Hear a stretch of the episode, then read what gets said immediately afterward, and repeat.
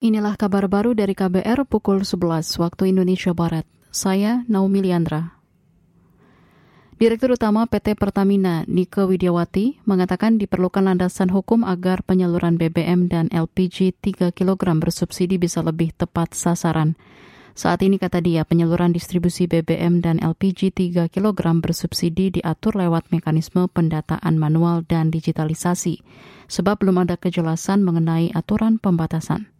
BBM subsidi maupun LPG subsidi belum ada regulasi yang secara tegas mengatur siapakah yang berhak. Ada Perpres uh, 191 2014 yang harus didetailkan. Namun kami memahami juga dalam situasi politik seperti ini melakukan pembatasan atau pengaturan tentu ini ada uh, resiko politiknya yang besar. Oleh karena itu kami coba kendalikan dengan regulasi yang ada dengan sistem digitalisasi. Itu saja yang bisa kami lakukan. Direktur Utama PT Pertamina Nike Widiawati mengatakan pemantauan distribusi BBM bersubsidi lebih mudah ketimbang LPG 3 kg, sebab pendataan pangkalan LPG bersubsidi masih dilakukan dengan sistem manual, sedangkan BBM bersubsidi sudah dilakukan secara digital.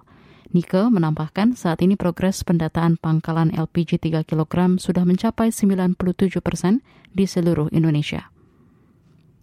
Beralih ke informasi lain, Tema keketuaan Indonesia di KTT ASEAN tahun ini, yakni ASEAN Matters Epicentrum of Growth, diklaim bukan sekedar retorika atau jargon politik semata.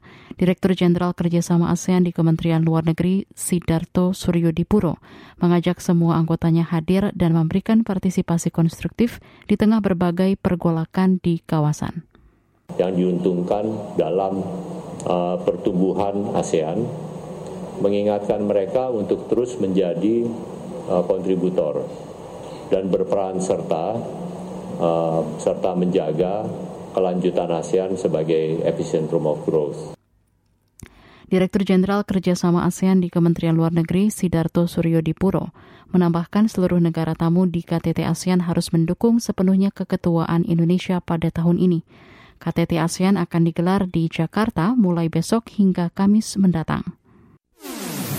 Kabar Pemilu Kabar Pemilu Dewan Pimpinan Cabang DPC Partai Demokrat Banyuwangi Jawa Timur yakin suara pasangan Anies Baswedan Muhaimin Iskandar alias Caimin akan tumbang di daerahnya. Anies Caimin resmi diusung sebagai bakal calon presiden dan wakil presiden oleh Nasdem dan Partai Kebangkitan Bangsa PKB.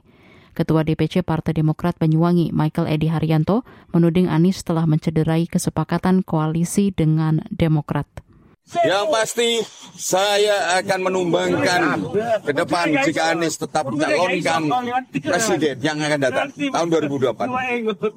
Saya sudah sosialisasi, meyakinkan orang-orang, meyakinkan kiai-kiai Banyuwangi, ya, yang notaben banyak yang tidak suka, yang tidak senang dengan Anies.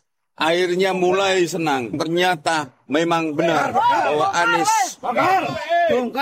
tidak konsisten. Ketua DPC Partai Demokrat Banyuwangi, Michael Edi Haryanto, menambahkan seluruh baliho Partai Demokrat yang bergambar Anies Baswedan juga telah dicopot di daerahnya. Kata dia hal tersebut merupakan bentuk kekecewaan seluruh kader Partai Demokrat di Banyuwangi. Demikian kabar baru dari KBR, saya Naomi Liandra.